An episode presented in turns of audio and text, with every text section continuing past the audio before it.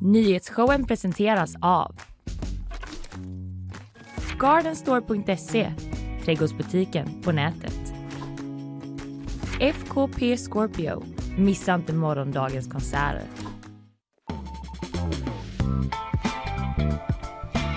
God morgon! God, jätte, god morgon. Jättegod jättemorgon! Ja, svingod svinmorgon. Du lyssnar på nyhetsshowen live från GP-huset onsdag den 10 maj. Denna underbara, soliga, potentiellt varma dag. Det har utlovats 20 grader. Ja, otroligt. Du är redo, du har sommarklänning. Jag har inga byxor på mig. Nej, Jag vet inte. snyggt. Det är Dock kläder på underkroppen vill jag vara supertydlig med. Det är, det är ingen som vet här. Nej. Det är ingen som ser. Idag är det ju jag, Fanny Wijk, och du, Ina Lundström, som är här tillsammans i studion för första gången någonsin. Otroligt. Det var väl Äntligen dags. händer det. Eller hur? Och vi har ju ett maxat program som vanligt. Jag ska prata om ett politiskt bråk om en 200 år gammal tall. Ja, jag har ingen aning om vad det är men jag vill höra allt. Eh, och jag ska prata om att IVO har eh, riktat stark kritik mot landets skönhetssalonger. Inte alla då, men många. Ja, okej. Sen blir det faktiskt dubbel gäst idag. Caroline Widenheim kommer hit från Kulturen. Hon ska prata om ett stort poddbråk som rasat i spalterna och i eten, får Ja. vi anta, det senaste. Och eh, vi ska också ringa upp vår egen melloprofessor Jan Andersson som är på plats i Liverpool där Loreen ju tävlar i Eurovision Song Contest. Just det, På gud vad lördag. bra. Gud vad Eller fint. hur? Mm. Och så är det bakvagn. Det är bakvagn. Jag kommer prata lite om en eh, kattförväxling som har skett i, eh, här på västkusten och också lite om hur kor används som ett slagträ i de ökande, den ökande polariseringen i Indien. Mhm. Jag ska prata lite om internetfenomenet Hasbulla som är i husarrest. Han har gått ut på stan och fuck shit up Nej, kan man säga. Jo det kan man verkligen säga. Ja, typiskt. Jag ska också prata om Joe Biden som äter som ett barn. Okej. Verkar vara ett problem. Enligt the first lady i alla fall.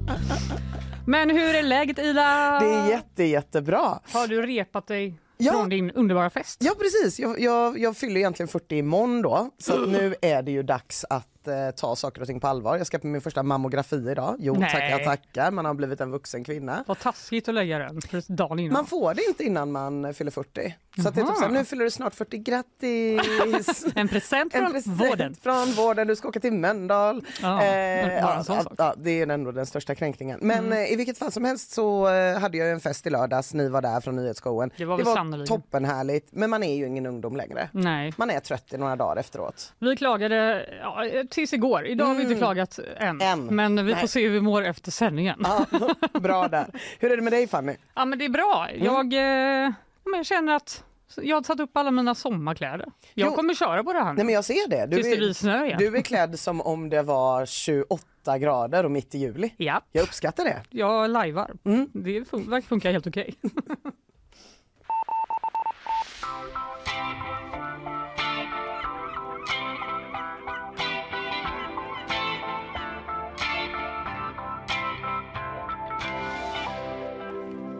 Ina, det finns ett underbart bostadsområde Okej. på ett berg. Över Chalmers. Pålberg. På ett berg. På ett berg, Ja, okej. Mm. Ovanför Chalmers. Ja, Landala egnahem heter. Landala egnahem. Mm, där har känner jag du bott. till? Ja, absolut. Där har du bott? Ja, en lägenhet. Heter det Föreningsgatan, Kolonigatan. Ja, just det. Kanske. Ja, längst ut där en lägenhet. Där Mm. har jag också bott. Nej, Jo, för det är mina föräldrar bor där fortfarande och det är mitt liksom barndomshem som ligger där. det är ditt barndomsberg. Det är mitt barndomsberg sannerligen. Så jag tar ställning, jag säger det är ett underbart område. Mm. Och det har också synts lite i nyheterna det senaste. Bland annat för att det bor en familj med jättegulliga kattugglor i träd där uppe. Kattugg. Ja, okej, okej, okej. Vi- Ja, nu är jag Mm. Olika människor åker dit, tittar på ugglorna. De bara, Åh, åh, Mm. trevligt. Men nu har området då hamnat i spotlighten av en helt annan anledning. Det pågår en politisk tvist om en tall Okej. som också bor där. Och inte kattugglor-tallen. Nej, En helt eller jag tänker att de också kanske bor där, för de flyttar liksom runt till olika tallar. Ja, just det. Okej. Mm. Men jag vet inte om det är därför det här Nej. har blivit så hett. Men ett politiskt språk om en tall, man blir ju omedelbart nyfiken. Eller hur? Vi måste nog ha lite mer bakgrund på området då för att folk ska fatta, förutom att du och jag har bott där. Ja. Så finns det också annan information att delge. Det är liksom ett område med lite villor och radhus och lägenheter då i trä som byggdes mellan 1913 och 1922. Och det var paraplyfabrikanten och tobakshandlaren Ge- Geron Olsson. Han var ordförande i Göteborgs egnahemsförening. Och han tyckte att mm, hörni, stadens styrande, här ska vi lägga ett egna hemsområde uppe på platån. Och det var ju liksom en folkrörelse då, egnahemsrörelsen, som var så här, nu ska arbetarklassen också få bo någonstans. Nu ska de också få bo. Det jag älskar att det fanns en tid när att vara en paraplyfabrikant gav en så mycket inflytande att man kunde bestämma att det skulle byggas ett helt nytt bostadsområde. Också att man var paraplyfabrikant och tobakshandlare. Jo det är sant, det är sant, bara, det är sant. Tobakshandlare, hade jag investerat i en av de businessarna så hade jag tänkt så här, tobakshandlaren, här har du mina pengar. Men tänk på hur mycket det regnar här. Jo, jo, jo, men en, ja, okej, jag har ändå svårt att se det framför mig. Men förlåt att jag är trångsynt. Mäktigt ändå. Här ska egnahemsområdet ligga. Exakt, och han fick ju som han ville då. Va? Och Ja. Tanken var ju helt enkelt att man skulle kunna köpa en tomt, bygga ett hus och så odla då i de här tillhörande planteringslanden som fanns runt om. Och eh, det här, egnahemsrörelsen började liksom på landsbygden, men i början på 1900-talet så spreds det sig till de stora städerna för, och andra samhällsgrupper fick också vara med, Ja. typ industriarbetare, Just det. tjänstemän. Ja, De skulle också få bo. de skulle också få bo. Ja, exakt. Och det här gör ju helt enkelt att det här området idag har en väldig massa skyddsbestämmelser kring sig. Man får inte förvanska husen på något sätt. Man får inte måla dem i någon annan färg än brun. Va? Och en väldigt specifik brun då. De är ju liksom pepparkakshus brukar jag alla kalla dem. Ja, ja, ja. Mm. Och så ingen får typ vara så här mm, rosa? Nej. Eller typ mer sirapslimpebrunt. Nej, Nej. Det de ska vara samma. Mm. Man får inte heller eh, eh, riva de här murarna, stenmurarna som Nej. är kring tomterna och tallarna som funnits i området i över 100 år får endast fällas om kommunen beviljar marklov. Okej. Så du kan inte tänka att så här, det här är min trädgård. Nej, Den ska vara helt kal. nej. Det Utan, är eh, fortfarande lite grann en paraplyfabrikants vision du bor i. Ja. Tallarna har liksom en egen, eh, ett, en egen regel. Ja. De ska skyddas. Och här enter bråket då helt enkelt. För en av dessa säregna tallar då står på Per Kaldenbys tomt. Och denna tallens rötter håller på att skada muren kring hans tomt. Aha. Som ju också måste skyddas. ja, precis. Det är Ja. dubbelskydd. Det är dubbelskydd. Därför har han helt enkelt ansökt om att få fälla den. Det är uppenbart att den här tallen kommer att spränga muren, säger han till oss på GP. Mm. Och den har då stått där i 200 år, så man kan ju tänka att det är ganska mycket rötter. Det är mycket snackar där om. under. Mm. Det är mycket där under. Men stadsbyggnadsförvaltningen då, de har gjort ett litet underlag till politikerna och de har landat i att tallen inte får fällas. Nähä. De säger det är, eh, området ingår i ett riksintresse för kulturmiljö. Det är liksom alla göteborgares intresse att tallen ska finnas kvar. Okej. Eh, Det blev ett jättesnabbt team mur nu. Ja, eller hur? Jag bara, men stackars muren då? Okej, Hur ska inte den också finnas kvar? Ja, exakt. Eh, De har då lutat sig från, med, på uttalanden från både kulturförvaltningen och från miljöförvaltningen och de anser att fällningen av trädet inte borde tillåtas eftersom det är så bevarandevärt och att då de tror att båda kan samexistera. Okej. Du måste inte riva, Nej, eller du måste inte fälla tallen. Muren den kommer klara sig ändå. världens minsta we shall overcome medan, mellan mur och tall. Eh, Stadsförvaltningen menar då att Per Kaldemir måste, han måste bevara tallen och laga muren om den går sönder. För att han, får, han får ju liksom inget free pass för muren. För muren är också ett riksintresse. Nej, Men gud vad Så han, eh, tyck, han är lite så här, jaha, Ja. jag måste göra allt. Ska jag liksom säga upp mig från jobbet för att Ja. stå dygnet Stå runt och hålla emot muren? Nej! no. Exakt, han får, de har så olika pass. Där det är så här, vem ska stå och trycka på muren idag? Det är så det är när man bor här. Ja, och så bara, mina barn kan tyvärr inte gå i skolan, jag vet att det är skolplikt men det här är ändå ett skyddsintresse. Ja det går ändå före. Ja, Mm. exakt. Eh, Det här tycker Per Kalleby är fel. Ja, det kan man ju tro. Grundproblemet är att de vägrar ta intressekonflikten mellan träd och mur. Typiskt intressekonflikt som ska tas. En av många. Ja, en av många. Det är ju det som måste avgöra tycker ta. han. Det är så jävla roligt att tänka så här. Man presenterar någon så här, vem är det här? Ja ah, men det är Johan Bengtsson du vet. Johan Bengtsson, vem är det? Ja men han är, han är nice liksom, men han är en sån som vägrar ta intressekonflikten mellan träd och mur. Ja en sån jävel. Ja men sån har man ju träffat några gånger i sitt liv. Det är så sjukt jobbigt när det Ja. händer. Och också som att de, jag, jag ser framför mig att de liksom står och bråkar med varandra. Ja såklart. Och Ja. bara, nej, håll isär dem. Ja. Eh, men som av en händelse så är eh, Per Kaldenbys far, Claes Kaldenby, han är professor i arkitektur vid Chalmers och en flitig debattör när det kommer till frågor om kulturmiljö. Nämen. Så på bilden här på g.se så står far och son i sin tomt, vid sin tall Ja. och säger hallå, Vad håller ni på med? Mm. Han tycker att tjänstemännens bedömning eh, är fel då och eh, säger att eh, riksintresse för kulturmiljö verkar bara väga tungt när det passar kommunen själv. Typiskt argument också. Mm, mm. Det här är en jätteliten fråga och en väldigt marginellt eh, riksintresse. Det finns ju andra stora frågor som berör riksintressen i den här stan där man enligt min mening fattat okloka beslut, säger han. Men det är oklart vilka, Ja, vilka det är. just det. Om det också handlar om mur och Exakt. tallkonflikten. Är det den konflikten som har blossat upp i, även i andra områden? Någonting säger mig att det inte är det. Men i alla fall, nu har frågan avgjorts då av politikerna i stadsbyggnadsnämnden. Med minsta möjliga marginal, 6 mot 5, så fattades beslutet att trädet ska få fällas. Det ska få fällas. Ja, De körde över tjänstemännen. de gjorde det. Eller körde över, det var ju 6 mot 5. Ja, Men en ändå, person ja, backade, på backade lite. på. Mm. Och detta har då lett till politiskt Ja, jag vet inte, bråk kanske jag inte ska säga, men lite gnissel. De, ja, de, de, de är inte överens. Nej, Så, så, socialdemokraten Johannes Hulter, känd från att han har varit på den här showen, absolut. också känd för att han är ordförande i stadsbyggnadsnämnden. Just det. Han är besviken på utgången och förvånad över att oppositionen kört över tjänstemännen. Han säger så här, de här tallarna är ju jätteotroliga. De ger karaktär i området. De var här redan innan man byggde land och egnahem för över hundra år sedan. Det är ju sant. De var ju där först. Jo, jo, jo, det var de ju. Först stod tallarna där, Jo, jo. sen kom det någon jävla mur och bara flytta på dig. Men liksom, han jo. tycker det är ju den som var där först. Först gå först. Ja, exakt. Mm. Han tycker också att tallen i fråga är en del av göteborgarnas gemensamma miljö. Det är inte bara liksom ett random Den träd. som bor där. Nej, Nej, nej. Utan det är, tänk på ugglorna och att fo- folk vill gå omkring där Just det. och titta på tallarna. Mm. Moderaten eh, Hampus Magnusson, han tycker att det var helt rätt beslut. Och han säger att enligt proportionalitetsprincipen så är det rätt att ge fastighetsägaren lov att fälla trädet. Och den här proportionalitetsprincipen, det är helt enkelt att man ska se till fastighetsägarens enskilda intresse versus det allmänna intresset. Ja, Det vill säga det som eh, Hulter då tyckte var tvärtom. precis. Han tyckte det är ju ändå trädet som är det viktigaste Ah. för allas skull. Va? Eh, Hampus Magnusson säger du kan ju alltid plantera ett nytt träd längre från muren. Som man har gjort på andra håll Ja. i området. Ja.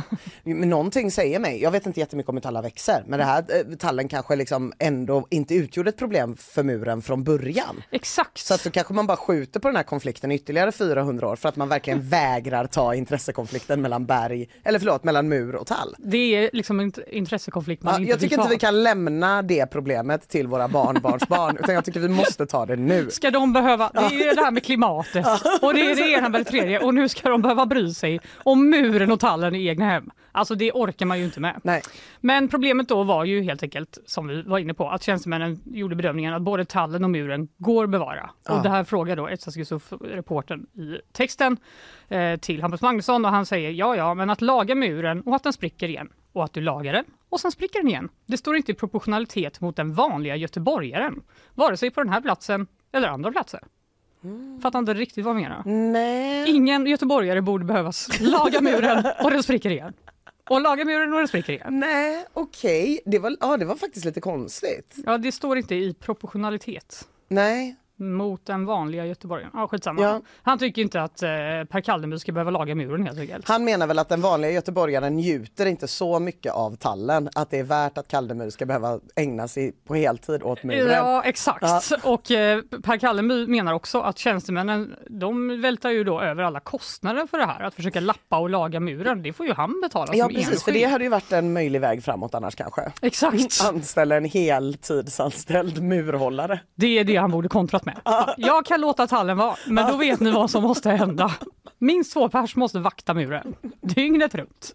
Men ja, det verkar ju som att han slipper det helt enkelt, så ripp tallen. Ja, ripp tallen. Det var det som hände.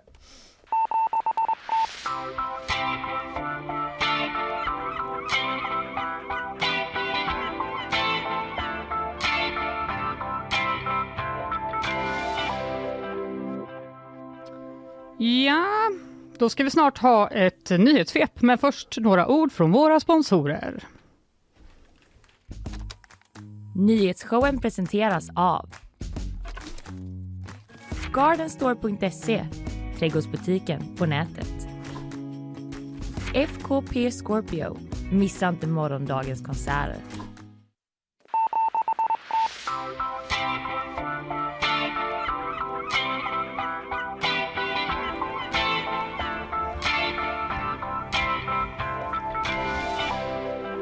Isabella Persson är här! Hurra! Välkommen tillbaka. Tack så mycket. Har du saknat oss? Ja, men jag, ni har, jag har ändå kunnat lyssna på er. Ja precis. Ja, just det. Har du gjort Vilken det? tur så att Nej, du har inte- inte helt förgicks i södra Spanien. Exakt. Vad När du händer låg där hemma? Måste veta. Nej, jag har faktiskt inte lyssnat jättemycket, men lite Nej. grann har jag lyssnat. Isabella, ibland får man ljuga. Ja det får Nej man. men, ja förlåt. Ja, Men det är har okej. varit, eh, jag, jag har hängt med. Mm, absolut. Men eh, du har hängt med tillräckligt för att ge oss ett nyhetssvep nu i alla fall hoppas jag. Det har jag gjort.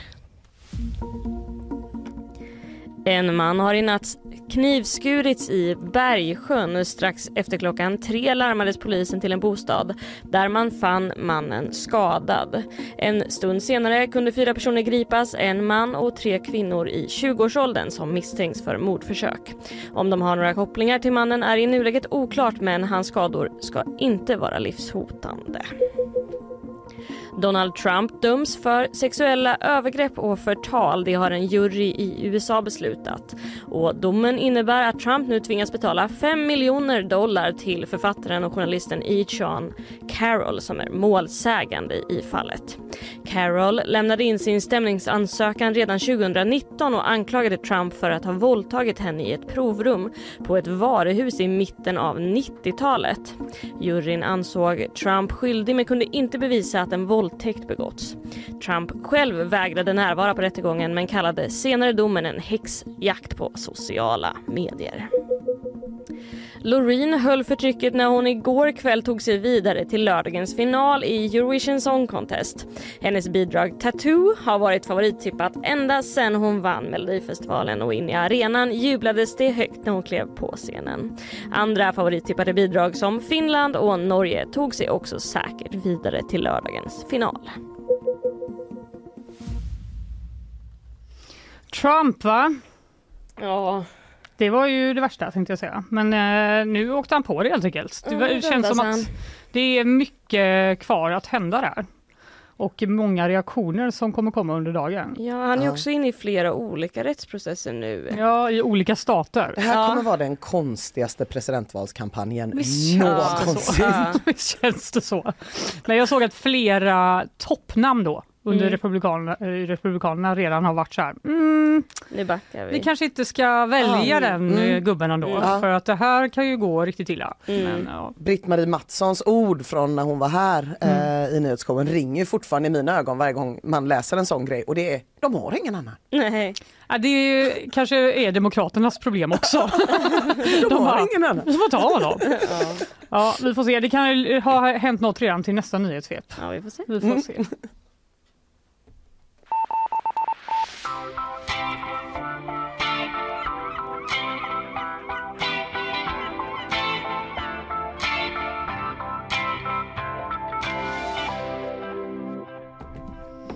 Jaha du Ina, Ja, vad har vi nu på agendan? Det vi har på agendan nu är att jag ska berätta om att IVO, Inspektionen för vård och omsorg, har skrivit i en rapport att det finns stora säkerhets och hygienproblem inom skönhetssalonger i Sverige. Och de här säkerhets och hygienproblemen kan ibland vara, eller leda till livshotande tillstånd då. Eh, och jag ska bara liksom ge en liten överblick först över den här industrin för skönhetsingreppen har ökat stadigt i Sverige. Inte minst under corona när alla satt helt plötsligt och stirrade på sitt eget fula ansikte. Ja. Istället för att stirra på en kollegas fula ansikte IRL. Det var ju mycket trevligare. Ja. Eh, och sen hade man ju också under corona tid att återhämta sig utan att det syntes. Om man gjorde en skönhetsoperation. Så att man kunde bara komma tillbaka och ha lite så, lite snyggare. Utan att någon visste exakt när och hur. Man kanske inte hade sett varandra på två år. Nej, man bara, jag kommer inte ihåg att du var så snygg. Nej, exakt. Och så var man inte det. Exakt. Men, ja. För det här är ju gärna någonting folk gör lite grann i smyg och det leder också till problem, men vi kommer till det Mm. också. Men exakt hur mycket skönhetsoperationerna har ökat, det vet man inte. Alltså alla plastikkirurger som någonsin har blivit intervjuade säger att det fortsätter, men det finns inga centrala register eller någon statistik för Sverige. Men anledningen att det har ökat då är ju till exempel att för 25 år sedan, då var plastikkirurgi en stor jävla grej. Vi tänker sent 90, tidigt 2000-tal. Det var svindyrt, det var riskabelt, man fick gå runt med bandage. Det var gamla, rätt rika käringar som gjorde plastikoperationer för att bli av med rynkor eller typ Hollywood-skådisar. Just det. Nu är det ju någonting som många gör när de är 20. Ja. Eh, för botox kom och fillers kom. Och det är ju då skönhetsingrepp som inte är lika permanenta som det här ansiktslyftet eh, som fanns förut. Och dessutom kan man gå till jobbet direkt efteråt. Och det är inte bara för de rika. Botox, det kan kosta 1500 kronor för Va? en injektion och fillers 2500. Nu visar jag att jag inte är en människa av folket men 1500, jag har köpt hudvård, alltså en kräm till mitt ansikte som inte kostar riktigt så mycket men liksom i de trakterna. Så att man fattar ju verkligen att det är eh, populärt och jag har också märkt bland kompisar att även folk som typ pluggar och har CSN har råd med botox. Eh, och enligt det amerikanska analysföretaget Research and Markets så kan den här och prognosen är att den här marknaden kommer tredubblas fram till 2030 för så mycket ökar det nu för varje år. Eh, det fanns en uppskattning från i fjol av branschorganisationerna i Sverige att om man bara räknar fillers och botox, och botox då gjordes det under 2021 300 000 injektioner minst. Det är väldigt lågt räknat för det finns ett stort mörkertal. Det är otroligt mycket. Det är otrodigt Det, får man mycket. ändå, det är också att det inte bara är i Stockholm det görs längre. Nej precis. Det har är ändå- flyttat sig ut i det är ändå landet. en stor skillnad. Eh, men precis, för förut var det väldigt mycket en Stockholmsgrej. Det är fortfarande lite vanligare där skulle jag ändå vilja Ja, där säga. är det mer att alla gör det. Mm. Alla Men nu är gör det det. så här. Folk gör det lite grann här med. Nej, men, och folk tänker nog att i och med att det inte är helt permanent, fillers behöver Mm. man kanske göra om ungefär en gång per år, att det inte heller kan vara särskilt farligt. Mm. Men särskilt fillers då kan orsaka mycket problem. In, enligt en intervju i Svenska Dagbladet med eh, plastikkirurgen Ulf Samuelsson så Mm. är det i alla fall så. Han säger så här, fillers Eh, nej förlåt, ursäkta mig, jag eh, backar lite där. Eh, plastikkirurgen Ulf Samuelsson, han varnar för det här då. Och jag tänkte bara för de som inte vet vad fillers är, så är ju det att man liksom skulpterar om ansiktet genom att spruta in hyaluronsyra. Och det gör man under huden och det kan ändra formen på hakan, läpparna, kindbenen då. Och den här vätskan den är ganska tjock. Och det är därför då Ulf Samuelsson säger till Svenska Dagbladet, det kan orsaka störningar i cirkulationen och blodförsörjningen om det görs fel. Detta kan leda till vävnad, vävnadsnedbrytning som kallas nekros och då kan i allvarliga fall exempelvis nästippen ramla av. Eh, ursäkta? Ja, Det här var nyheter för mig. För jag har nog ändå tänkt att fillers och botox är lite som, ja men det är väl typ som göra en kemisk peeling fast lite till. Ja. Alltså du går till en sjuk, eh, hudvårdssalong, du kanske går dit för att typ få en ansiktsmask och så går du därifrån och tagit en spruta. Och så säger de, nej du, Du. den här mellan eh, ögonen Precis, ska där. du inte ta den? Och så plötsligt ingen näsa. Eh, och fillers, fillers har varit väldigt centrala också, eh, vilket är en anledning till att det har ökat så mycket för de senaste årens skönhetsideal. Det är ju lite deppigt att vara kvinna på många sätt. Men en av de deppigaste sätten eh, att vara kvinna, eller en av de deppigaste anledningarna att vara kvinna på är att det går trender i ens fysiska utseende. Det är lite körigt faktiskt. Det är lite körigt. Precis när man hade skaffat den där stora röven så blev den ute. Ah! Typiskt! I alla fall. De senaste årens eh, eh, största skönhetsideal då, som brukar kallas Instagram face, det Mhm. är väldigt beroende av fillers. Och när jag förklarar det här eh, utseendet så tror jag du kommer förstå vad Mm. jag menar. Ett Instagram face har inga rynkor, givetvis. Yes. Höga markerade kindben. Just det. Kattlika ögon, Mhm. liten näsa, fylliga läppar, väldigt skulpterat, väldigt markerade drag. Mm. Som ett Insta-filter, som om man har kontor. Mm. Om man bryter ner vad det är liksom för etnicitet på det här ansiktet så är Mm. det lite svårt. Det är liksom etniskt vitt, absolut, såklart. Men det är också lite mer kindbenen, mer Mellanöstern kanske, hudfärgen lite så olivfärgat italienskt, läpparna, mm, Västafrika, Latinamerika, där kan, någonstans ögonformen, brynen, lite mer som det brukar vara i södra Asien, typ Indien. Det är någon slags best off. Det är alla snygga tjejer i hela världen. Det är alla I snygga tjej. tjejer i hela världen just nu. Mm, ja, just det. i en tjej. Det är Kim Kardashian, det är Bella Hadid, det är Ja, vem ja. Mm. som helst som är en känd kvinna. Och det är en typ av ansikte som tidningen The New Yorker för några år sedan, väldigt träffande tycker jag, kallade ansiktet av en sexy baby tiger. Det tycker jag är väldigt, väldigt Okej. korrekt beskrivning. Eh, Så det känns för många som en icke-grej att ta en filler eller botox för att bli lite mer sexy eh, eh, baby tiger. Så kan ju det här få väldigt allvarliga konsekvenser om det inte görs rätt. Och därför har IVO nu då granskat 33 kliniker och i alla dem fanns det brister i säkerheten. Några exempel då på saker som IVO har hittat på de här klinikerna är eh, flera fall eh, där hälften av personalen har felaktig eller ingen legitimation att genomföra de ingreppen de gör alls.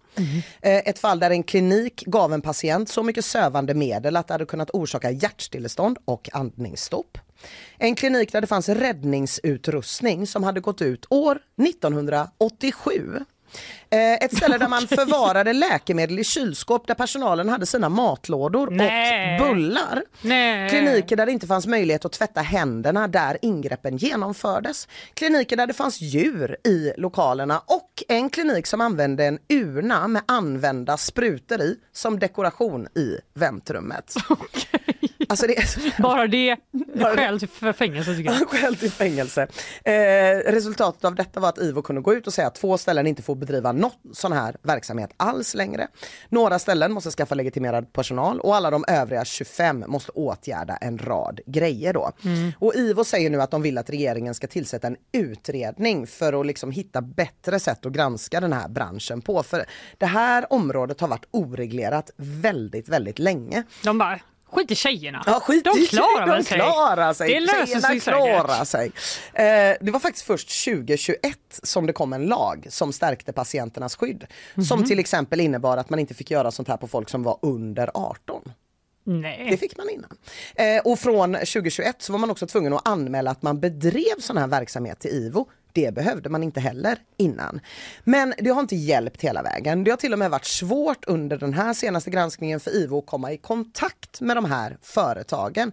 Eftersom många av såna här ingrepp sker på typ mässor, hotell, i privata bostäder och ibland i bilar.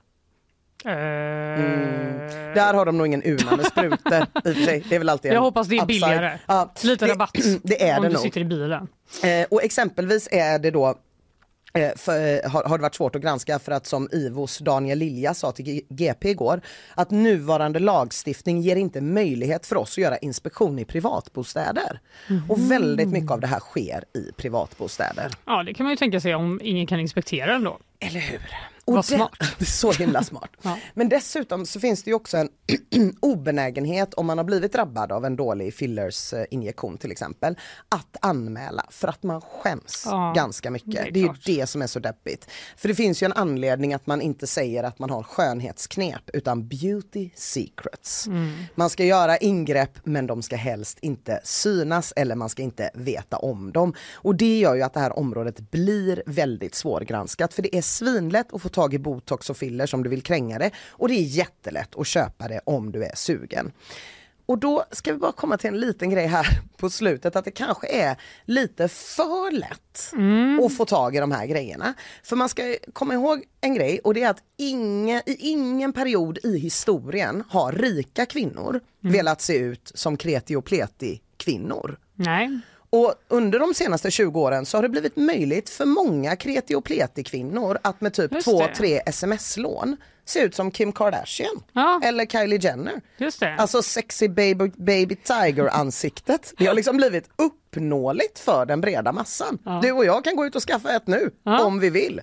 Eh, och då är det såklart att ingen tillfällighet att flera plastikkirurger har berättat den senaste tiden att kända och framgångsrika kvinnor har börjat injicera sig med ett enzym som bryter ner fillers och gör läpparna mindre.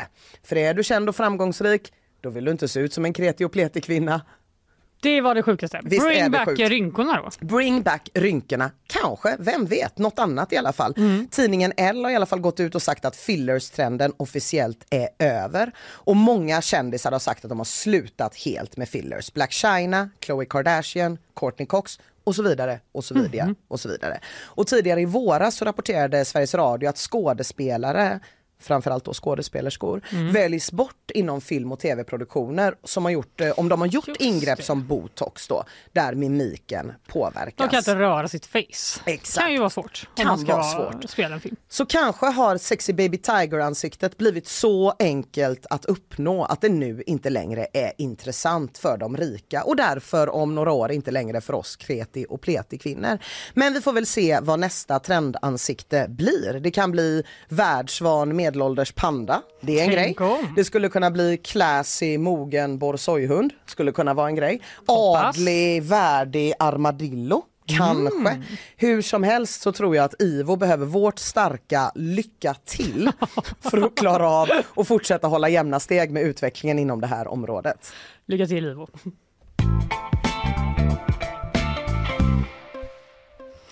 Ja, nu ska vi snart ha gäst, Caroline Widenheim från Kulturen som kommer att prata om ett stort, stort poddbråk. Åh vad spännande. Visst blir man sugen? Jättesugen. Men först några ord från våra sponsorer. Nyhetsshowen presenteras av Gardenstore.se, trädgårdsbutiken på nätet. FKP Scorpio, missa inte morgondagens konserter.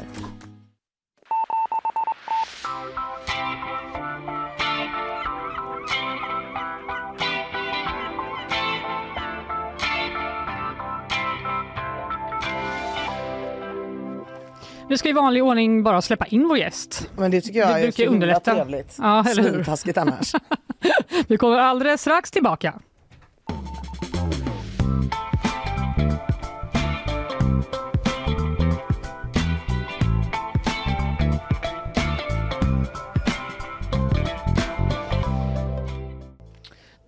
Då är Caroline Widenheim här. Vilket känns otroligt. Eller hur? För nu ska vi då prata om ett stort poddbråk som utspelat sig den sista tiden. I podden Motiv att skapa ett monster så menar upphovsmännen att de avslöjar en av Sveriges största rättsskandaler någonsin. Det handlar enligt dem om mörkläggning, planterade bevis och en oskyldigt dömd mördare. Men kritikerna har varit stenhårda och kallat podden för ett haveri och ett försök till att rentvå en barnamördare. Och med oss i studion då har vi alltså dig, vår kollega från Kulturen, Caroline Widenheim. God morgon. Hej. God morgon. Du har liksom grottat ner dig i detta. Ja, lyssnat på hela podden, eh, pratat med kritiker och försökt skapa mig en bild av vad, vad hänt här. Men gud vad bra för oss. Kan Ja, inte du skönt. börja med att berätta vad podden handlar om? Men det handlar om, eh, det är väldigt stora hörlurar här. Ja, de är väldigt stora. Ja det är väldigt boomfunk? MCs. Ja, ja men de, de får hänga här De nere. klär dig ändå på det? Ja, jag känner mig exakt. jo men det här handlar om eh, två mord som begicks 1989 eh, på en 10-årig flicka som heter Helene Nilsson och en eh, 24-årig kvinna som heter Jannica Eklund. Och det här, de här morden fick inte sin upplösning förrän 2004 då man tog fast eh, en man som heter Ulf Nilsson. Han dömdes sen i tingsrätt och i hovrätt 2005 för de här morden. Och det har eh, beskrivits som en stor seger för den här polisgruppen eh, som lyckades hitta honom. Det var lite slumpartat att de hittade honom. Det har skildrats i en bok, det har skildrats i en SVT-serie. Mhm. Och det är liksom, ja, överlag ansett som att det här är ett avslutat fall. Mm. Så här gött, vi fick fast honom. Så. Och nu kommer den här podden då, den hade eh, premiär i mars. Och då lyfter de fram teorin att Ulf Nilsson var oskyldig. Eh, Ulf Nilsson är död idag, han eh, dog i, under rättspsykiatrisk vård. Mhm. Eh, men han han skriva en bok där han skrev om varför han är oskyldig. Okej, Eh, så det är den som eh, ligger till grund för det här påståendet då? Ja, den används, eller den refereras till ganska friskt. Ja. Så är det. Eh, och så har de gjort då den här podden, åtta avsnitt där de går igenom fallet, eh, försöker visa på olika luckor, frågetecken i utredningen och sen så ja, kommer då en egen teori om Mhm. vad det är som har hänt egentligen. Okej, eh, vet man varför de liksom fick den här var det något som hände som gjorde att de ville ta upp det här avslutade fallet igen? Ja, vi kan dra lite vilka det här är då. Det är en, eh, han som har eh, liksom producerat själva podden heter Alexander Mork. Mm. Och eh, han har som exekutiv producent Nils Bergman som ligger bakom Rättegångspodden som ni kanske Mhm. Just det. känner igen. Mm. Eh, och han har ju varit i, han har varit i blåsväder för, för sin podd, liksom, för att de bara sände ut eh, Just det. eh, avsnitt från rättegångar helt utan att eh, ta kontakt med anhöriga och sådär. Mm. Typ vittnesmål och eh, ganska detaljerade. Precis. Eh, men sen har han gått vidare, det har gått jättebra för honom. Han drar in miljoner till Acast och sådär. Och en av hans produktioner då är den här Motiv. Och säsong ett då handlade om eh, en annan mördare i Skåne. De här morden skedde i Skåne. Aha. Eh, och det är samma utredningsgrupp som har utrett och tagit fast den mördaren, Nattvandraren som den kallas då, och som Mm. serien heter. Så då i produktion av den så hade han mycket kontakt med eh, en kvinna som heter Monica Olhed som är förhörsledare. De pratade mycket om det här fallet, liksom hur de hittade honom, hur förhören gick till. Och det var i något av samtalen där som han fick en, liksom en fix idé, för att hon sa någonting om att så här, men jag tror han kan ha mördat fler, den här nattvandraren. Aha. Och Okej. då bestämde han sig för att jag ska hitta de här personerna Som nattva... Ja. som nattvandraren har Mm. mördat. Och hitta då det här gamla fallet med Jannica Eklund, som Ulf Nilsson har dömts för, men får för sig att nej, det här är fel, den Just det. domen var fel. Mm. Så det är liksom starten på det hela. Och sen så kommer det då åtta avsnitt där han går igenom de här fällande domarna. Okej, så de försöker helt enkelt då rentvå den här eh, mannen, Ulf Olsson. Men vem var han då? Han var, en, eh, han var i 52 när de grep honom. Eh, han var liksom en lite så halvknepig man eh, som befann sig i de här trakterna runt eh, 80-90. Mm. Liksom, och eh, dömdes för de här morden mot sitt nekande, så var det. Men han fälldes ju med eh, ganska tung DNA-bevisning. Eh, man hittade blod från eh, det ena mordoffret i hans sommarstuga. Man hittade DNA-spår i båda mordoffren från eh, den här mannen. Så att eh, det var ju ganska, alla kände sig rätt säkra på att men, här har vi här har vi vår man. Ja, det låter ju som ganska tunga bevis, Ja. får man ju ändå säga. Det gör det verkligen. Och motbevisas de på något sätt i podden då, eller vad? De ifrågasätts. Ja. Eh, men man ska ha med sig då när man lyssnar på det här att eh, det som Alexander Mork har haft tillgång till när han har gjort podden är förundersökningsprotokollet. Det är alltså en samling av dokument som åklagaren lämnar in till eh, domstolen när han har bestämt sig för att det här ska jag bygga mitt åtal på. Mm. Då är det liksom ett antal förhör och lite olika be- bevisprotokoll. Och det har han haft. Men sen så finns det ju väldigt mycket mer material i, i en förundersökning och det som är kvar då kallas för slasken. Mm. Och det är en helt enorm samling dokument som han inte har haft tillgång till. Mhm. Eh, så därför är det mycket som han så här, det här ser konstigt ut. Och sen så, okej. kommer, sen så kan han liksom inte riktigt svara på något mer om det, för att här, svaren kanske finns i slasken. Just det. Men han har bara det här urvalet och så ser han saker som att det här ser märkligt ut. Men han kan liksom inte lägga fram bevis på liksom, att det faktiskt är konstigt. Eh, eller att det har skett någonting annat. Mhm. Eh, men en som har haft då tillgång till den här slasken är en journalist på Sydsvenskan eh, som heter Tobias Barkman. Mm. Han har skrivit den här boken, Jakten på en mördare. Och eh, som SVT baserade sin serie på. Just det. Och han hade ju tillgång till hela förundersökningen när han skrev sin bok. Mm. Och jag pratade med honom nu förra veckan och vi bara ja, men gick igenom några av de här frågetecknen som eh, de ställer fram i podden. Och han sa, ja, men jag kan ju förklara varenda ett. Jaha, vad frustrerande för honom. Han fick inte frågan. Och var Nej. med i Och var podden. med på den. Nej. Nej, Han bara, well, Jag vet. skit i mig då. Jag har läst alla papper. Som han har inte varit kontaktad. Och en annan person som hade kunnat ge förklaringar är åklagaren i fallet. Mm. Han har inte heller blivit uppringd. Okej, så det är mest eh, väldigt mycket frågetecken som eh, skapas av de här åtta avsnitten snarare Ja, då och- än... En ganska extrem eh, alternativ teori Ja. som då går ut på att eh, det finns en annan mördare och att det här har mörklagts av, Mörklagts också? Ah, ja, ja. Mm. Ja, det är av inte... polisen. av någon inom rättsväsendet. Och sen det som är det stora problemet då med den här podden, det är att det görs väldigt kraftiga antydningar om vem det här skulle kunna vara. Mm. Eh, och det, kan vi, det är så pass öppet så det kan vi säga här. Han liksom antyder väldigt kraftigt att åklagaren har varit inblandad i plantering och ja, bevis och mörkläggning. Och det är ju en väldigt allvarlig anklagelse. Ja. Och i vanliga fall när man gör den typen av anklagelser, då får den andra sidan bemöta det. Mm. Mm, ja, Men det lär vi oss på journalisthögskolan. det lär man sig dag ett. Mm. Ehm, men eh, så har inte skett i det här fallet då. Han har inte tagit kontakt med åklagaren. Ehm, han har inte tagit kontakt med någon annan heller som kan bemöta de här påståendena.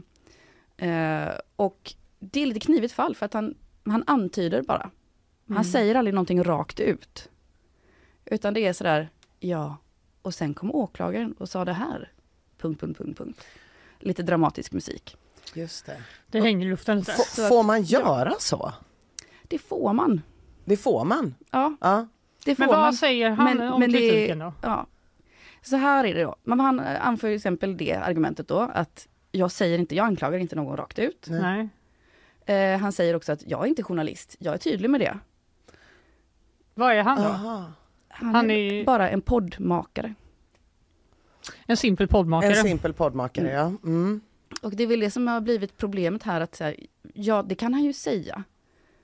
Eh, och, men när någonting ser ut som journalistik, det Mm. låter som journalistik, folk uppfattar det som journalistik.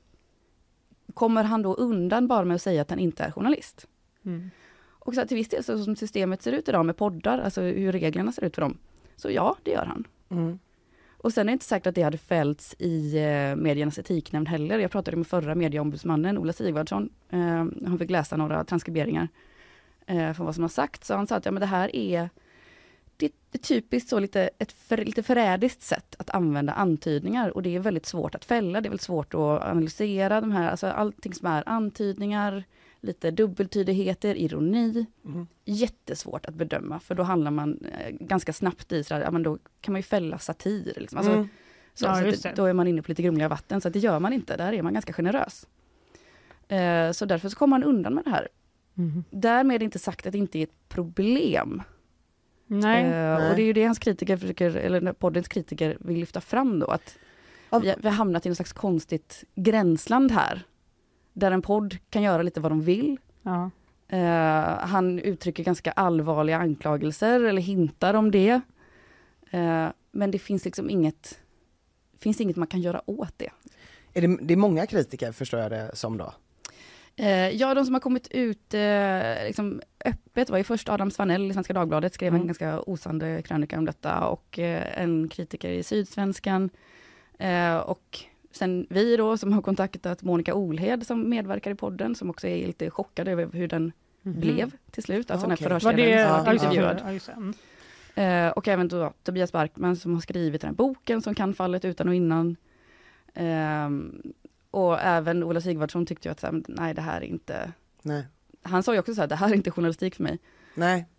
Men den här åklagaren då som mellan raderna anklagas lite då, har eh, hen kommit med någon eh, uttalat sig eller? Ja, jo men jag har ju pratat med honom eh, och nej, han eh, kan ju förklara, men liksom det är ett uttalande han gör, till exempel då på brottsplatsen, eh, som Alexander Mork tycker är så fruktansvärt misstänkt. Eh, men det kan han ju förklara ganska snabbt. Liksom. Så det är liksom Ah. ganska många sådana här saker som är, det byggs upp som något stort och som något väldigt eh, som ett kraftfullt bevis, ett kraftfullt indicium på att någonting skumt är i görningen. Och sen så kommer då antingen, eh, jag pratar med åklagaren eller Tobias Markman som ganska snabbt bara, nej men det där är inte så konstigt. Nej. Mm. Men du har ju också pratat med Alexander Mork. Ja, Varför har han inte ringt upp någon som kan svara på hans frågetecken? Vad säger han om det? Varför har han inte ringt åklagaren till exempel? det har han inte gjort för att han var rädd för sin säkerhet, sa han. Mhm. Okej, Okej. ja. Ja, Det är ett, Eh, ännu ett frågetecken Ja, det får som man eh, verkligen tänds, säga. eh, Ja, punkt, punkt, punkt. Alltså, ja, för att han då tycker att nej men det här kan ju vara människor som är inblandade i en mordkomplott. Ska Just det. jag ringa dem och ge dem bevis? Det kan jag ju inte göra. mhm. Eh, men han har ju, har ju lagt ut det i en offentlig podd då, alla bevisen. Men ah, Men Vad- vet man hur många som har lyssnat på podden? Är den stor eller är det, är det en sån här mediesnackis-grej? Nej men det är, alltså, och det är väl därför vi har skrivit om det här och det är därför eh, folk har blivit upprörda över det här, för att det är en så stor podd. Alltså det, Det är det. Mm. Ja, det kom ju liksom ut i, alltså i, som en efterföljare till Rättegångspodden som är en av Sveriges mest lyssnade poddar. Mm. Och de har liksom haft eh, så här, tiotusentals lyssningar varje vecka när ett nytt avsnitt har kommit. Så att det har ju fått enorm spridning. Och det är därför folk bryr sig om det här. Mm. Eh, och ett stort problem här är ju att det uppfattas ju som journalistik. Mm. När man lyssnar på det, om man inte har så mycket andra ingångar till granskande journalistik eller vet hur den går till, så uppfattar man det som ungefär som spår Mm. eh, eller ett Uppdrag granskning. För att i formen är det ganska likt. Ja. Det är den här dramatiska musikläggningen, det är, man läser upp utsnitt ur förhör. Eh, det låter verkligen som vilken annan granskande journalistik som helst. Men om man då pratar med granskande journalister, de som, de som har varit argast på det här är ju andra granskande Mm. journalister. För de vet hur mycket man väljer bort när man ska publicera någonting. Just För det. att man kanske, man- man, vet någonting till 95% men det räcker inte. Nej. Och då får man inte säga det, då kan man inte använda det för du ska kunna belägga det du säger. Så det är ju väldigt frustrerande då att se någon som bara slänger ur sig, Skjuter lite mer från höften Allt. när man själv ligger med dubbla bettskenor över att man inte får gå ut med en svinsmaskig grej som man nästan är helt säker på. exakt. Ja det fattar man att det är frustrerande. Men jag tänker typ att, för nu, det här kanske är svårt för er att svara på, men det känns som det har gått liksom varvet runt med true crime. Det har varit så stort så himla länge. Så alla, allt har ju berättat på olika sätt och man, det kanske gör att sådana här typer av poddar, liksom fler vill göra dem på kanske lite mer eh, mindre noggranna sätt. Vad tror man om liksom framtiden? Typ andra som du har pratat med i media, till exempel Ola Sivertsson, kommer det finnas liksom sätt att reglera det här på? Eller är det bara en del av vårt öppna samhälle liksom? Ja men Ola Sivertsson tycker och han har drivit det här länge, han tycker verkligen att poddar ska liksom inlemmas i det pressetiska systemet. Eh, och det, jag kan ju säga det, men eh, Nils Bergman söker eh, utgivningsbevis Mm. nu, vilket skulle jämställa honom med liksom, som av våran eh, chefredaktör i princip, att han skulle då Var De ansvarig? skulle ha en ansvarig utgivare. Det har de idag, men liksom det är lite annat att ha utgivningsbevis, för då har man liksom anslutit sig till det pressetiska systemet. Så han, de vill ändå vara med, Ja, men sen är det också ett kritiken? problem för att det är så här, ja men ett utgivningsbevis gäller om du lägger upp grejer på din egen hemsida. Men om du lägger upp på Spotify sen, Spotify har inget utgivningsbevis. Nej. Så det finns en massa så teknikaliteter där som är så krångliga, men det måste ju någon reda ut. Det måste man ju då fixa på något sätt, för att annars så blir det ju lite vilda västern här. Ja. Eh, och med och hela det pressetiska systemet har vi ju för att skydda människor. Ja. för att publiceringar kan ha en enorm inverkan på människors liv. Alltså om du blir oskyldigt utpekad, eh, om folk känner igen dig, om, alltså, det, det kan ju få förödande konsekvenser. Det är ju därför medier är så reglerade. Mm. För att det finns en enorm makt i det, Mm. som man måste vara försiktig med. Ja, exakt. Det måste man, då måste jag ju bara lyfta in egenskap av lite mer satirpoddare Ja. till vardags. Jag är lite rädd. Ja, du känner, vad pratar du om Eh, Caroline? Den här översynen, kan vi chilla lite med det? Nej men eh, det är ju liksom ehm, eh, så himla olika genrer och eh, eh, i, i våran podd, vi är ju inga experter på det här området då, men eh, när vi liksom läser saker, det är ju uppenbart sånt som om man hade haft utgivningsbevis ibland, som inte hade känts helt nice. Men jag tror också att det är därför så här podd, alltså poddvärlden har satir och Mm. true crime gått svinbra. För att satir har tidigare traditionellt publicerats av public service och där är det ganska svårt då att vara satirisk när man måste hela tiden säga, ah, fast nu är ju inte den här personen här och kan försvara sig. Å Det är svårt. sidan och andra sidan. Ja precis, det är ju ganska svårt. Och samtidigt då true crime där det också har funnits liksom så mycket begränsningar. Eh, men eh, då vill jag ju bara till mitt försvar säga att det, vi, vi, vi skojar ju inte om så här allvarliga Det är inte typ konspirationer mot en enskild. Nej, nej men precis, precis. Och så, ja, nej, men, eh, det är svårt för att man försöker som poddar också, man googlar och man försöker hitta och så här, hur man ska göra men det finns ju inga regler att förhålla sig till riktigt. Precis, och sen så måste vi säga det att alltså, satir är ju undantaget Ja, mycket. ja. Eh, så är det och sen så, alltså när, när man ska vara den här försiktighetsprincipen då, det handlar också om hur, hur allvarlig är anklagelsen. Mm. Just det. Så att med, ju allvarligare en anklagelse är eller en antydning eller sådär, desto mer måste du ha på fötterna. Att antyda att en åklagare har planterat bevis och mörklagt ett mord, Mm. det är ganska Det är det verkligen. rejält. Och så dessutom Så då då- inklätt i den här eh, granskande journalistikformen som man ju känner till. Så fort man hör den så tänker man nu blir det avslöjande. Det är Ja. väldigt lätt att appropriera den eh, typen av ja, tilltal. Ja, man får ju liksom. puls direkt har när ett alla hört frågetecken Peter inte... Dokumentär. Ja precis. Det går. Ja, men det är så. Det finns en färdig estetisk form för det här. Ja. Mm. Det är som ett sommarprat Ja, Ja. men Fast så är det också om sådär. mord och verkliga människor Mm. som har dött. Typ. Exakt. Och man måste också skärpa sig lite med innehållet, inte bara ta formen utan Nej.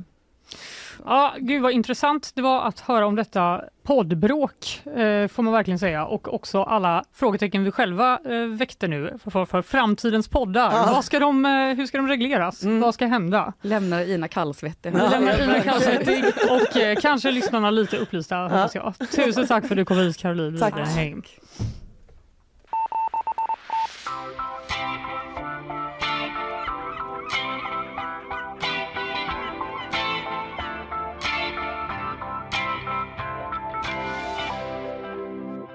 Som vanligt hastar vi vidare, men först några ord från våra sponsorer.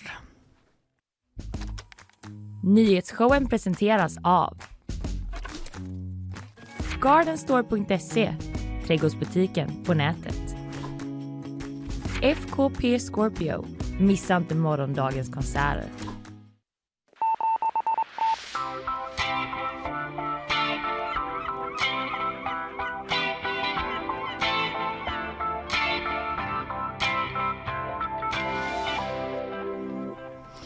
Snart eh, ringa upp eh, melloprofessor Jan Andersson. Gud vad spännande. Det blir spännande. Mm. Eh, Men först ska vi få ett litet nyhetssvep från Isabella Persson.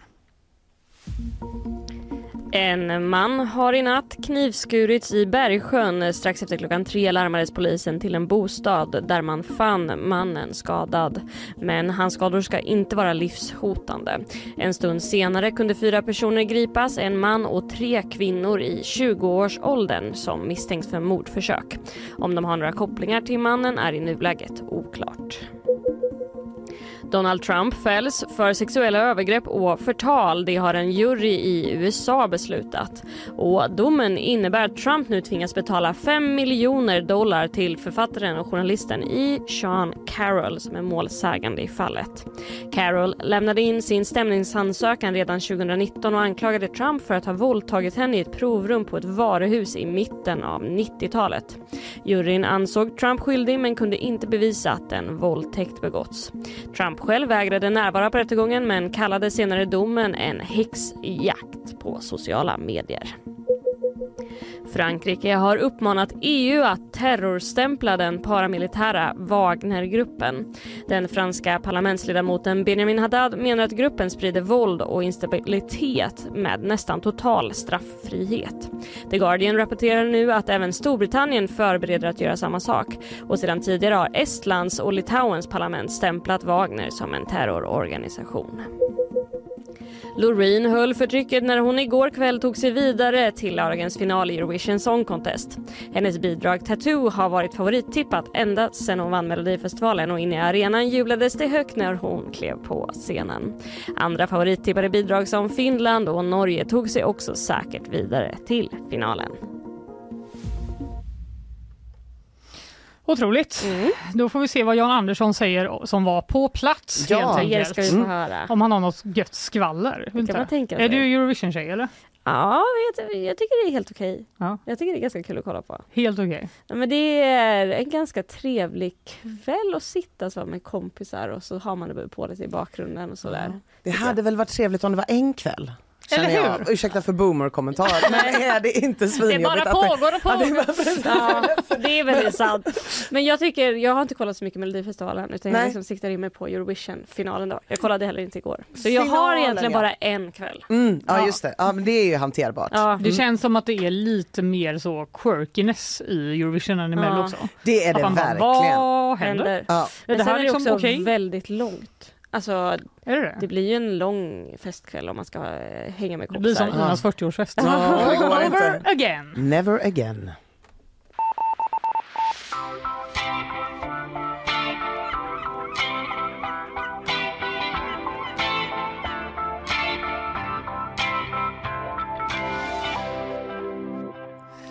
Ja, Men, eh, men kollar du eh, då? Eller är du också som boomer som jag? Nej, jag kollar absolut inte. Du kollar jag inte? gjorde Nej. det nästan som en, eh, ett statement när jag var på Kulturen. Att Mm. jag var, någon här måste inte kolla. Ja, nej men så är det ju. Och det får bli jag. Ja. Men, Ja, min ursäkt i år är att det är samma dag som Göteborgsvarvet. Ah! Ska jag springa? Nej. Men du kommer vara så trött efter jag kommer att vara så hejat på. över att ha hejat, efter att ha hejat. Så jag kommer kanske bara orka spela brädspel på kvällen. Jag kommer Ja. inte orka tycker mäkta typ med. det var bra eh, anledning faktiskt. Ja, jag tyckte också det. Ja. Ja. Det var min dotter som frågade faktiskt. Eh, Ja, men hur blir det med Mello? Ska vi se på, eller Eurovision? Ja. Eh, Inte för att vi någonsin brukar göra det, men du vet hur barn är. ja, Som sina kompisar. exakt. Eh, då sa jag, nej men det går ju inte, det är ju Göteborgsvarvet fram till fyra. Hon bara, ja det börjar Ja. klockan 21. Och sen gjorde jag en sån som han poddkillen, bara punkt, punkt, punkt, frågetecken. Hoppades att hon skulle fill in the blanks, men det gjorde hon inte. Hon bara, Du vet Ja. hur det är, slut 16, då går det antar att du har rätt. Ja, jag är i alla fall peppad på Göteborgsvarvet. Det Är det? Berätta Ja. på vilket sätt du är peppad. Nej, men jag tycker att det är otroligt mysigt. Vi brukar liksom sätta oss, eh, det är sån här eh, vårtecken. Att Mm. man sätter sig och kanske dricker någon folköl eller någon riktigt svag sak eh, och tittar på folk som springer förbi och så kommer det förbi barn. Barn älskar ju att high-fivea med löparna. Det är i och för sig gulligt. Det är väldigt gulligt. Man måste ju tvätta deras händer med typ eh, tesprit efteråt för att det blir för äckligt. Ja. Eh, men de står där svinglada och eh, fångar kexchoklad. Folkfest! Ja. Jag är för en folkfest. ja, men vem är inte det? Man måste ju vara gjord av eh, sten om man inte älskar en god folkfest. Förutom Eurovision då. Den- exakt. Den gillar man inte. Men nu ska vi se om vi kanske har Jan Andersson med oss. Hallå Jan Andersson. Hallå Fannevik. Hej! Hej Jan! Nu hörs du inte Hej, jättehögt men jag vet inte, det kanske funkar. Gå- Ska jag prata högre? Jag ska Ja, nu jag är det bättre. Ja, nu- jag höjer det lite. Nu tror jag att du hörs. Jag Jag ska, skrika lite. ja, om du skulle kunna skrika lite från Liverpool så hade det varit toppen. Nej, men eh, igår drog det igång Eurovision eh, Song Contest första semin och Loreen gick vidare. Vi har ju skickat dit Loreen- dig. Med Melloprofessor har jag kallat dig Jan. Är det bra eller? Ja, eh, okej. Det, är- köper det är okej.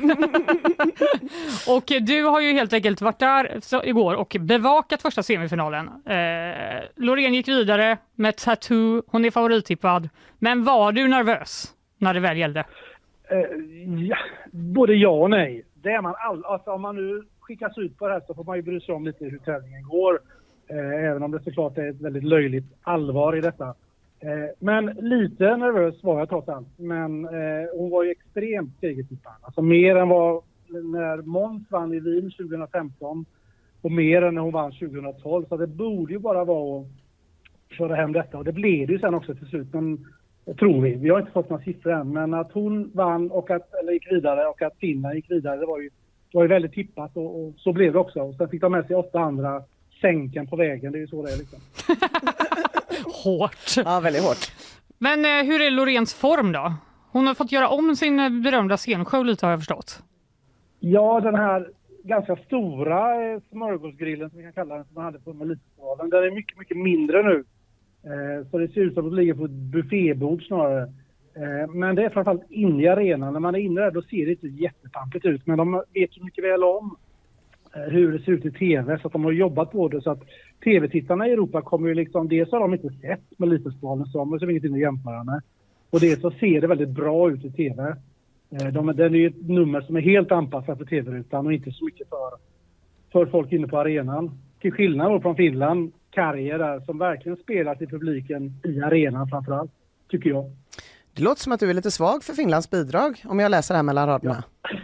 Absolut. Det är ju liksom, den här tävlingen har ju liksom, det, är representerar ju två ytterligheter kan man säga, Finland och Sverige. Sverige är ju, som så ofta, ett väldigt professionellt bidrag. Alltså det är ju det är perfektionism, det är kvalitet, det är, det är ett klassnummer. Medan Finland går helt åt andra hållet. Det är ju det är Kiviks marknad på, på crack liksom i sammanhanget. Det är, Finland har skickat Roland, som har skickat Sean Banan. Det är liksom var Bloms plastgaffel från Karlstad 2018. Så att de har varit en helt annan väg kan man säga. Ja, alltså, det låter ju verkligen som två olika världar, men då är frågan, är det värdiga Loreen eller lite mer actionfyllda eh, Finland som kommer ta hem det? Eller Frankrike har jag också förstått. Är någon slags... Frankrike, jäkligt snygg discochanson. Personligen gillar jag Italien också som har väldigt snygg ballad. Eh, Marco Mengoni som sjunger riktigt bra. Eh, men det är typ bara jag som gillar honom. Han har en procents segerchans enligt oddsen eh, Indie-alternativet i Jag årets. får rygga som attan på honom. Ja. Ehm, jag, om du frågar mig idag, och det gör du ju, så tror jag att Loreen tar hem det. Om du frågar mig på lördag morgon så kanske jag svängt igen. Men det är nog ganska tydligt, tror jag, att det står mellan Sverige och Finland. Eh, Finland är publikfavoriten och Sverige är troligen en juryfavorit. Det brukar vara så. Mm. Vad- har, har du något skvaller att bjuda på, Jan? Väldigt lite skvaller faktiskt. Vad, eh, Men du vet, jag kan ta vilken smula som helst. Vem åt en ostmacka när? Alltså grejen är att de eh, artisterna bor i ett mycket flådigare hotell än vad jag gör. Jag bor ju i lite kyppe här mitt i Liverpool. Eh, så att här är det väldigt lite skvaller. Ja, Eh, jag, jag får be att få återkomma med det. Om jag ser någonting så lovar jag att återkomma. Ja, vad bra. toppen. Men du, vi ska snart avsluta, men det var, det var ju egentligen Ukraina som vann förra året. Så, och, men på grund av kriget uppenbarligen så kan det ju inte eh, vara Eurovision i Ukraina. Därför är det Liverpool som är värd för tävlingen. Vad är liksom stämningen i Liverpool? Märker man av eh, kriget på något sätt? Man, märker ju av att det finns, man märker av att det är Ukraina som är en officiell hyllning, eller officiella arrangörsland. Det tycker jag för att det är mycket, det är mycket blågula flaggor, det finns mycket blågula statyer. Eh, man påminns, eng, engelsmännen påminns, de är ganska ödmjuka så tillvida att de vet om att de inte vann utan att de gör detta tillsammans med Ukraina. Och jag vet inte om ni såg hela programmet men även där tycker jag man märkte det ganska mycket i de här små brevfilmerna, man ska kalla dem, inför varje bidrag så fanns det liksom linkningar till Ukraina. Eh, en av de tre programledarna eh, är ukrainsk. Eh, och som sagt var det spelas en hel del ukrainsk musik när man går runt här på, på Liverpools gator. Eh, så det tycker jag absolut att England sköter på ett snyggt sätt. Men du, eh, det är på lördag det är finalen, så vad ska du göra idag? Jag ska träffa Loreen om en stund eh, och snacka lite med henne om hur hon tyckte att det gick själv igår eh, och se lite hur det känns för finalen. Eh, jag träffade även Måns Zelmerlöw och eh, Edna af Sillén som är en väldigt rolig manusskrivare som kommer kommentera detta på lördag tillsammans. Eh, Edna kommenterade även semifinalen igår kväll. Det hörde inte jag för då satt jag på i presscentret. Eh, och se lite hur de ser på detta. Eh, så ska jag, vet inte, det kanske måste, det är en semifinal till imorgon som på många sätt är helt ointressant för oss för att Sverige inte är med och vi får inte ens rösta i det här programmet. Så att, eh, jag vet inte men jag ska, jag ska bolla med min redaktör och se vad han tycker om det. Men tänk om det programmet också har en sån som finnarna. En sån, Ett guldkorn. ja ett guldkorn. Men det har de inte. Okej. Ja, vad bra, vad härligt det var att få eh, lite puls från Liverpool, eh, Jan Andersson. Tusen tack för att vi fick Absolut. ringa upp dig så här tidigt på morgonen. Du får hälsa Ja, Loreen från oss. Gör det. Ha det så fint! Hej hej!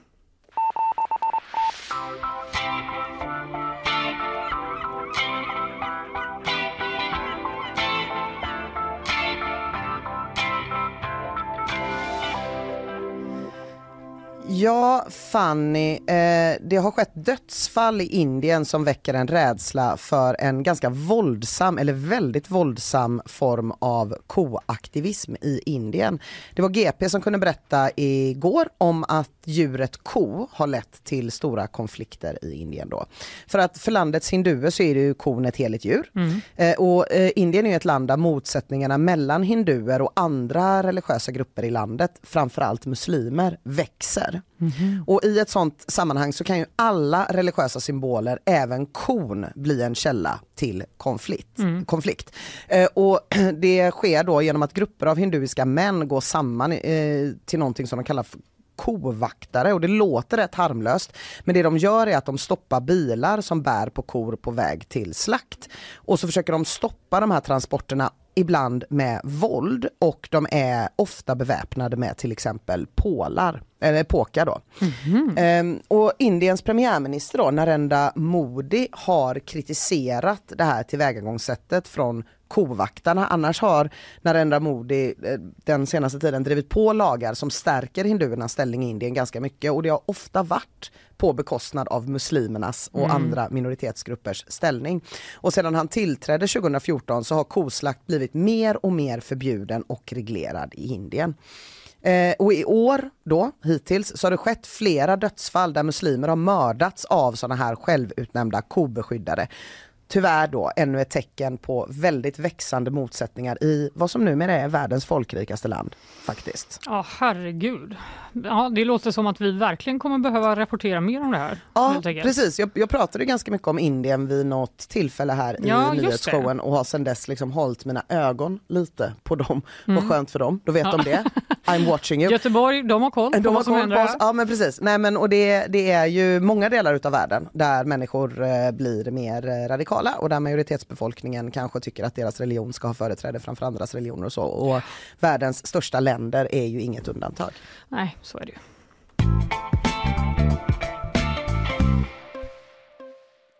Ja, från verkligen det ena till det andra, Ja. som det ofta är här i Mm. bakvagnen i och för sig. Men eh, du vet, internetfenomenet Hasbulla.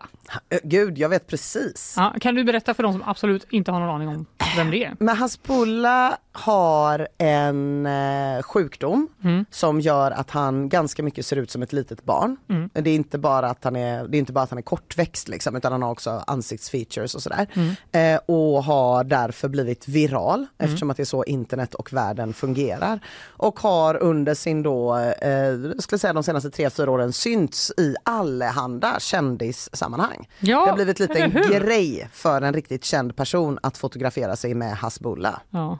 Det är typ som att man är så här, vem har inte gjort det? Ja, precis. Han har turnerat runt. Ja. De har ju även satt in liksom, små bilder på Hasbulla i så här, nu grattis Erik fem år i Just tidningen. det, just det, just Om man är lite mer så lokaltidningsbenägen. Eh, en människa men också ett vandrande meme. Så är det. Nu har han eh, tyvärr gripits Nej! I Hasbulla. I Island? i Ryssland. Ryss... Ir... Aha. Sedan ett bröllop spårat ur. Nej. Det är väl typiskt. Han Ja. är ju 20 år, eh, ska ju sägas, och han är nu satt i husarrest. Det kommer inte hända igen hörni. Vi ber om ursäkt, säger Hasbulla.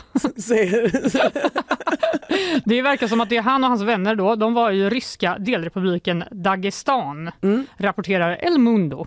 Eh, han ska vara på ett bröllopsfirande innan han och vännerna gett sig ut på gatorna för att blockera vägar och bränna däck. Nej men gud. Alltså som vilken 20-åring som helst. Exakt, det är väl det man gör när man har varit på bröllop i Ryssland antar jag. Eh, han anklagas nu för störande av den allmänna ordningen och trafikbrott. Ja, det var ju lite typiskt. Det är också väldigt mycket en 20-åring. Jag, jag måste säga att jag trodde att Hasbulla var typ 50. Ja, Eh, jag var väldigt förvånad över den här informationen att han är 20. ja, för det gör ju att han bara är en tonåring. Nej men precis, då är ju allting annat runt omkring honom mycket mer rimligt. Eh, till exempel att han som ursäkt säger nej sorry, det här Det blir kommer inte bra gubbar. Det, händer inte igen. Han är typ lite ångerfull, tar också med klackspark.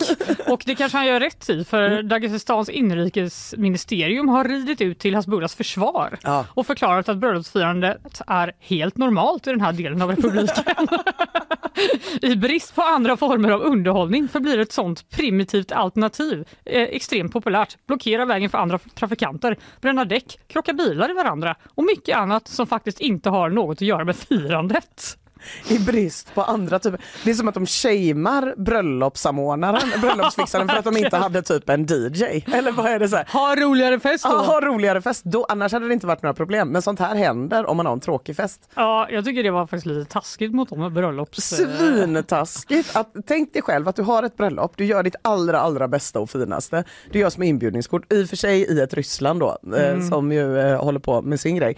Eh, välformulerat av mig, skitsamma. Men, eh, och så får du, får du höra av liksom kommunen, Göteborgs kommun, att, att dina bröllopsgäster gick bärsärk, inte konstigt, när Nej. det var en så tråkig fest. Och när det är så tråkig eh, stad man bor i. Ja, Dålig- Jag hade ju hyrt en sån här fotoautomat, jag hade gjort, jag hade gjort alla grejer. Det så var- dålig DJ var det inte. Nej, så dålig DJ var det. Ja, vad deppigt Tyvärr alltså. känner jag också att det är lite typ att ens eh, fördomar om Ryssland också förstärks. Ja, när de säger att den här typen av eh, liksom, underhållning efter bröllop, helt, helt normalt. normalt. Ja, faktiskt. här där vi bor. Ja.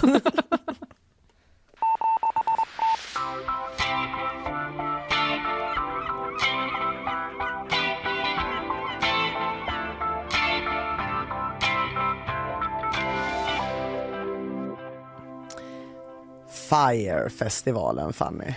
Oj, oj, oj, oj, oj. Oj, oj, oj, oj, oj. Finns det någonting roligare som har hänt i världshistorien? Ingen vet, men antagligen inte. Alltså typ inte. Det är ju världens största fiaskofestival som resulterade i ingen riktig festival riktigt kan man inte kalla det. Men däremot inte en utan två riktigt mysiga katastrofdokumentärer. Det är så kul att det blev två. Ja, det Har var- du sett båda? Jag har sett båda. Är det någon skillnad? Nej, båda är svinbra. Alla ska se allt om Firefestivalen. Så är det bara, man sitter där, man myser med sina mjukisar. Man kanske har FOMO för att en kompis spelar på Pustervik och man orkar inte gå ut. Och så tänker man, tänk när jag var ung och gick på festival. Och så sätter man på tvn och där får man se hur världens rikaste människor blir dragna vid näsan. Ja. Toppen underhållning. Men det var ju, det var ju liksom någon slags lyxfestival Ja, det som var typ i Precis. Karibien. I Karibien på Såklart. en egen ö. Det skulle liksom eh, blåsas upp till någonting som ingen någonsin hade sett tidigare. Mm. Biljetterna, de dyraste, kostade ju hundratusentals kronor.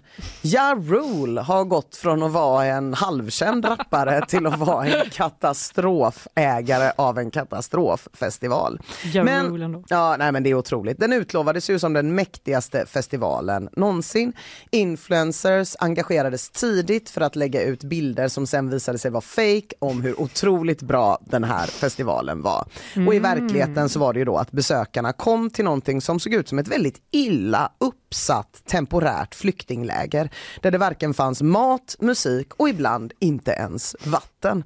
Just hur de gjorde för att försöka få tag på vatten, det tycker jag gärna man ska kolla i Netflix-dokumentären om Fire-festivalen. Ja. Det var nerregnade madrasser, det var panik, det var en ursinnig och obetald lokalbefolkning. Och Billy McFarland då, som var en av arrangörerna, inte Ja Rule, obs, eh, hamnade i fängelse för det här. Nu är han ute.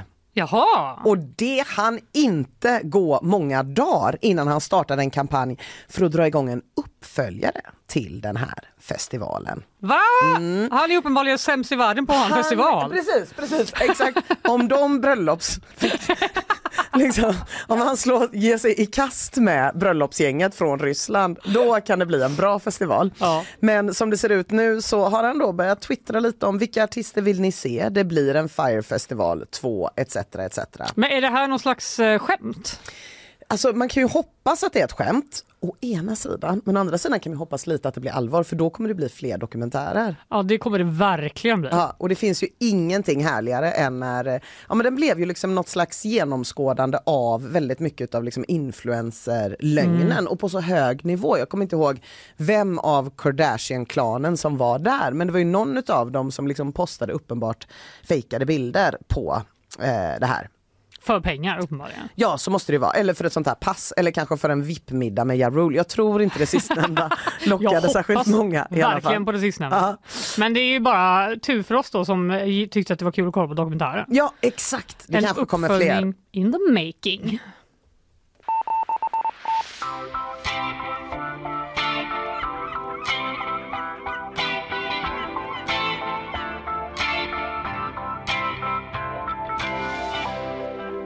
USAs president Joe Biden äter som ett barn.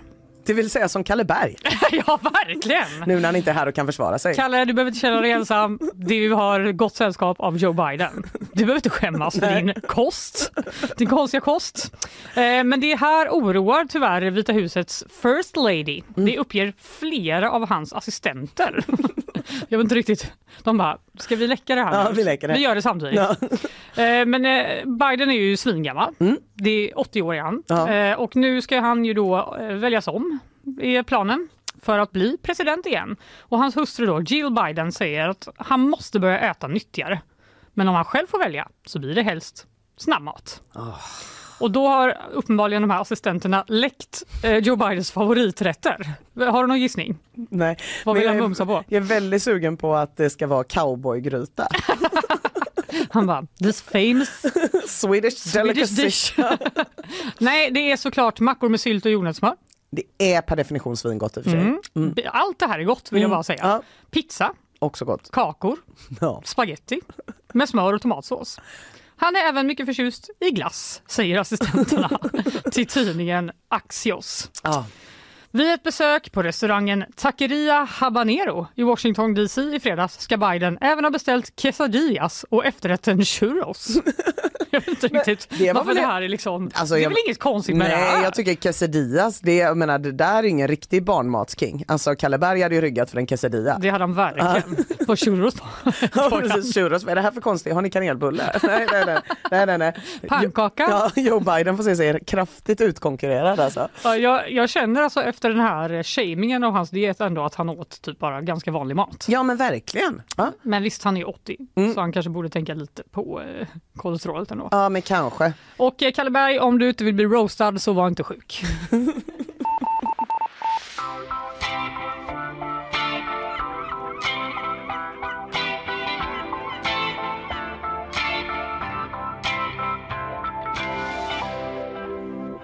Ja, eh, en historia med både ett sorgligt och ett lyckligt slut kunde P4 Väst berätta om tidigare i veckan. Det handlar om familjen Wallners katt i Brasta som blev påkörd. Nej. Ja, så familjen begravde katten. Men kort efter att de har begravt katten får familjen ett samtal om att katten Freddy lever. Mm, Va? Jajamän. Vad obehagligt. Ja. Är det en konspiration? Det kan det vara. Kattförväxlingar sker lite då och då, jag kommer återkomma till det. Men vad gör man om man har begravt en katt som inte är ens egen? Ja, Har du haft katt någon gång? ja, Ja. Simon. Simon, ja. blev han påkörd? Nej, han blev svingammal, alltså typ 25 år. Ja. Och somnade in på ett element. Fridfullt. Fint. Ja. Eh, jag hade Putte också. Rest in peace. Han dog eh, eh, i början av covid eh, och var också otroligt gammal. Men mängden gånger man har varit orolig för att ens katt har blivit Ja, påkörd. fy. Otroligt många. många Otroligt gånger man många. har tänkt, hade jag bara vetat att katten hade dött så hade det varit bättre än att gå runt här och leta. Faktiskt. Putta Man vet den inte tendens- vilken galning som har tagit den annars. Exakt, Putta hade en tendens att vara borta fem sex dagar i sträck. Gärna i samband med att det ra- rapporterades om eh, såna här kattmord i Högsbo och sånt. Nej! Då var han så, jag är borta i några dagar nu, är det okej? Man bara, det är det inte. Kom gärna tillbaka. Ja, kom gärna tillbaka. Och det gjorde han alltid. Men man var ju alltid väldigt orolig när det hände. I alla fall mamman i den här familjen då, Sara, hon la helt enkelt ut en bild som hon hade tagit på den här döda katten i Facebookgruppen eh, eh, i, som heter då Vad händer i Brasta? för att sådana finns överallt. Ja. Och skrev då Vi har begravt fel katt. Då, Typiskt. typiskt. Då hörde då den rätta ägaren av sig till mamman i familjen och sa men det där är ju min Måns. Nej. Så de två fick kontakt och sen hände det här berättar mamman Sara. Vi mötte upp henne och sen så gick vi ut i skogen och grävde upp Måns. Det var ju också lite konstig känsla. Det var nog Va? en lite konstig känsla men vad ska man göra? Alltså det är hemskt Men han såklart. hade ju fått en fin begravning i skogen. Ja men hon kanske ville vara helt säker på att det var Måns. Just, den här, just det kan jag identifiera mig med så himla mycket. Jag har ändå många gånger tänkt om Putte, jag vill hellre veta att han är död. Ja. Än så här, att man har tänkt så här, tänk att vara en sån som går runt i år utan att veta vad som hände med ens katt. Det är verkligen sant. Eller hur? Man vill veta. Ja. Så nu blev det ju ändå eh, en lite konstig situation naturligtvis. Men ändå ett lyckligt slut för familjen Wallners, ett mindre lyckligt slut men ändå ett slut för Måns ägare. Men det här med kattförväxling har du, det händer då och då. Ett ord du brukar slänga dig med. Gud ja. Ja. För katter, de gör ju som de vill. Ja, det gör Mm, de. det är kanske ingen tillfällighet att både du och jag har gått över till hund numera. Exakt.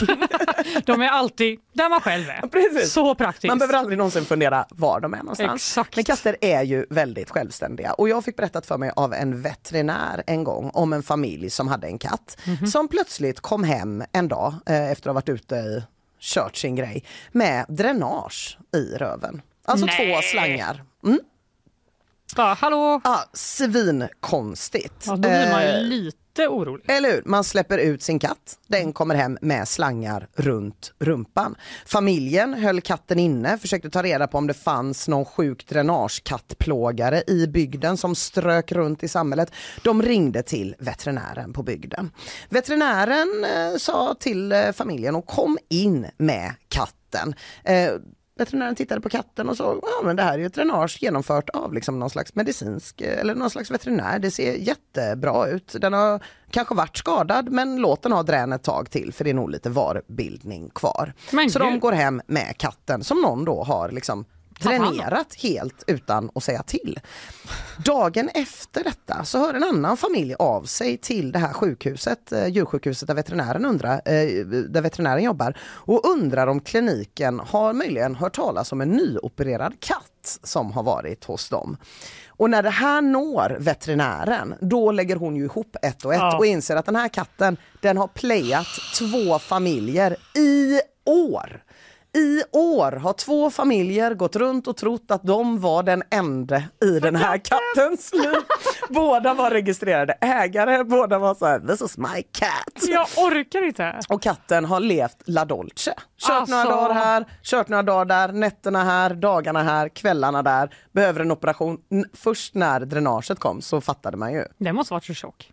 ja, ja, gud ja. Alltså, de måste fått så god... Men katter är så smarta. Jag tycker det är obehagligt. Nej men det är faktiskt det. Det finns ju en otrolig BBC-dokumentär också där man kan se katternas hemliga liv, hur katter eh, som har legat på SVT Play länge, där de sätter GPS på katter för att se hur de rör sig i tätbebyggda områden. För egentligen så ska katter ha ganska stort revir och det vill Ja. de inte dela med andra katter. Men i tätbebyggda områden så måste, har, de, har alltså katter utvecklat, även i Göteborg tror man då, en ny strategi där man har tidsslottar. Så att istället för att ha ett revir som bara är geografiskt, det vill säga de här, den här delen mellan tallen och muren är, min i Landala egna hem. Japp. Så har de också, den är min mellan 18 och 22, ojämna Nej. veckor, annars är det någon annans. Så de har liksom hittat det här sättet för att inte behöva bråka med varandra. Eh, så att, ja, eh, och på de här kamerorna så syntes det ju otroliga mängder med katter som gick hem till andra och åt upp andras kattmat genom kattluckor. Om man tror att det är AI som ska ta över Eh, världen. nej, nej, nej. Det är It's uppenbarligen katterna.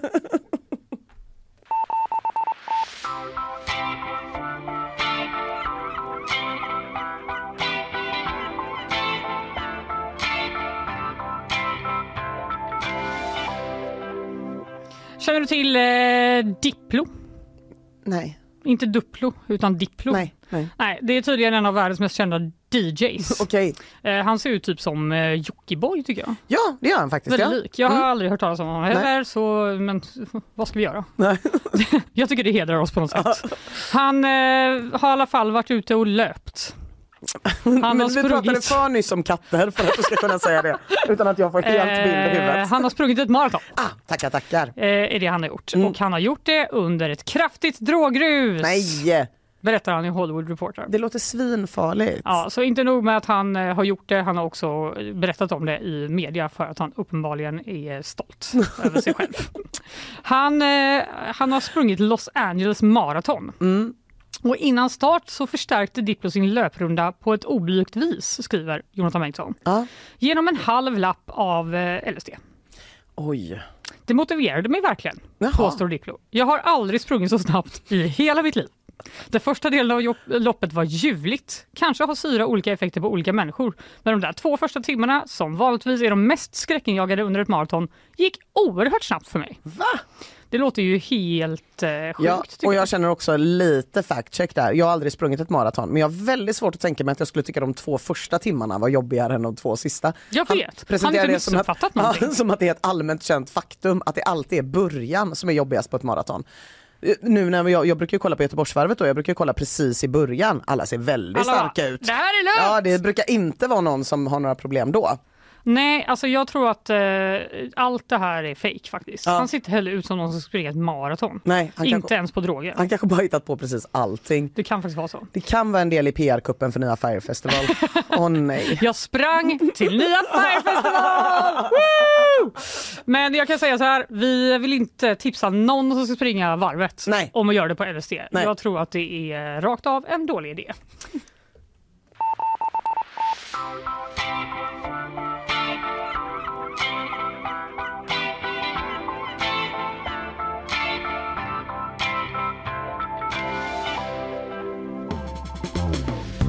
Du, det var ju allt för idag. Det, har, det var allt för idag. Ja, jag pratade ju om ett tallbråk där i begynnelsen av programmet. Det var oerhört spännande. Jag väntar på den true crime-dokumentären måste jag säga. Eller hur? Eh. Vad pratade du om nu? Jag pratade om att IVO går ut och varnar för kliniker som inte tar det här med hur man genomför operationerna för att eh, ge folk eh, sexy baby tiger-ansiktet på allvar. Ja, kanske får vi ett nytt ansikte snart helt enkelt. Kanske.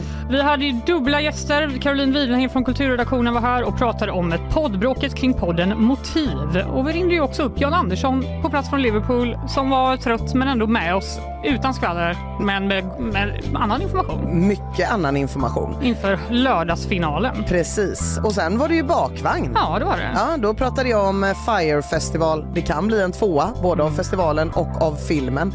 Jag pratade om hur hur kor används eh, i Indien för att elda på religiösa motsättningar av extrema grupper och om familjen Wallers katt. Ja, herregud. Och jag pratade ju om Hasbulla i husarrest och eh, ja, lite andra grejer. Men det var ju nyss. Ni får lyssna igen om Ja, ni eh, vill lyssna.